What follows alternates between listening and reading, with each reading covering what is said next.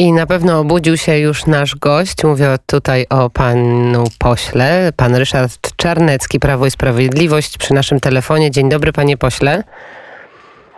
E, Witam pana, a panią witam państwa. Obudził się rzeźki gotowy do rozmowy. Panie pośle, jak pan ocenia szczyt USA-Rosja w Genewie? Bo to spotkanie bez precedensu i w ogóle ten cykl spotkań, który jest zaplanowany na ten tydzień, to wydarzenia, które od 25 lat nie miały miejsca w Europie. No właśnie cykl, nie tylko w tym tygodniu, ale e, poczynając e, od e, szczytu w Genewie przed rokiem, potem dwie długie rozmowy telefoniczne, w tym ostatnia 30 grudnia dwugodzinna, ewidentne zbliżenie Moskwy i Waszyngtonu, które tak naprawdę rozpoczęło się w listopadzie 2020 roku, kiedy to wybory wygrał e, Joseph Robinette Biden, e, e, demokraci operowali retoryką bardzo antyrosyjską. W kampanii oskarżali nawet prezydenta Trumpa, że rzekomo prorosyjski. No, na tle Bidena Trump był, można powiedzieć, małym Reaganem, bo prowadził politykę powstrzymywania Rosji, był bardzo krytyczny w praktyce e, e, przecież prowadzi politykę sankcji wobec e, firm, które e, są zaangażowane w Nord Streamie. E, Biden dokonał resetu, podobnie jak w swoim czasie e, Obama, gdzie przypomnę, Biden był wiceprezydentem. Co to oznacza? No to oznacza, że chodzi o nowy podział stref wpływów w Europie. E, celem e, USA w tej chwili jest e, stawienia czoła Chinom i chcą w związku z tym Stany Zjednoczone Ameryki kupić neutralność lub życzliwą neutralność Rosji dla siebie, tak aby Chiny zostały sam na sam z Ameryką, bez wsparcia w ostatnich latach bardzo takiego praktycznego i stałego Federacji Rosyjskiej.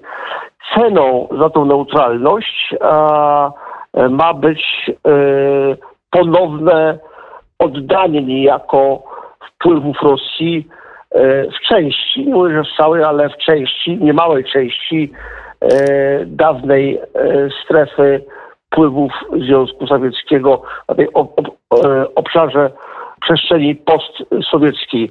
To bardzo przypomina ten reset sprzed 12 e, e, lat, z 2009 roku, kiedy to również USA wycofały się niejako na przykład naszego regionu Europy, odwołały instalację tarczy antyrakietowej w Polsce i w Czechach. Za co? Za cenę ne, podobnie jak teraz, neutralności Rosji w kwestii Iranu, Afganistanu i Bliskiego Wschodu. Sytuacja jest bardzo podobna e, i bardzo jest dla Polski niebezpieczna, mówiąc krótko. Nie grozi nam wojna Rosji z Ukrainą, grozi nam finlandyzacja. Panie pośle, a jak pan się odnosi do tego spotkania, które odbędzie się w Brukseli? Będzie narada NATO-Rosja. Wiemy, że Stany Zjednoczone nie zgodziły się na żądania Rosji dotyczące zakończenia polityki otwartych drzwi NATO. Czego tutaj możemy się spodziewać my jako Polska po tych obradach, bo przecież wiemy, że polscy przedstawiciele polskiego rządu także na tych obradach będą. No, myślę, że będzie próba powrotu do y, y, tego, co było przed podpisaniem tego traktatu Federacja Rosyjska, Pakt Północnoatlantycki przed blisko 30 laty. W praktyce będzie chodziło o to, aby nie było stałej obecności wojsk NATO na terenie e, dawnej sowieckiej strefy wpływów.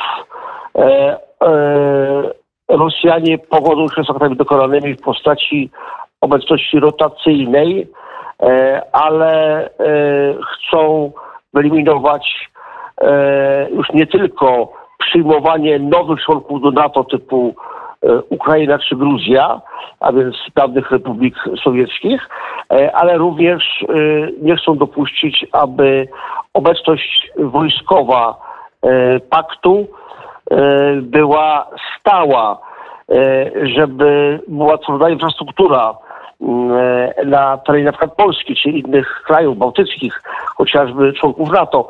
E, e, No tutaj ewidentnie chodzi o przesunięcie e, strefy wpływów Rosji za wolną rękę dla Ameryki w Azji. Tutaj stawiamy kropkę. Dziękuję za ten komentarz. Pan poseł Ryszard Czarnecki, Prawo i Sprawiedliwość, europejscy konserwatorzy, reformatorzy i konserwatyści. Tak, dokładnie tak. Dziękuję panie pośle. Tak jest. Dziękuję bardzo, pozdrawiam serdecznie, miłego dnia. Miłego dnia, 7.46.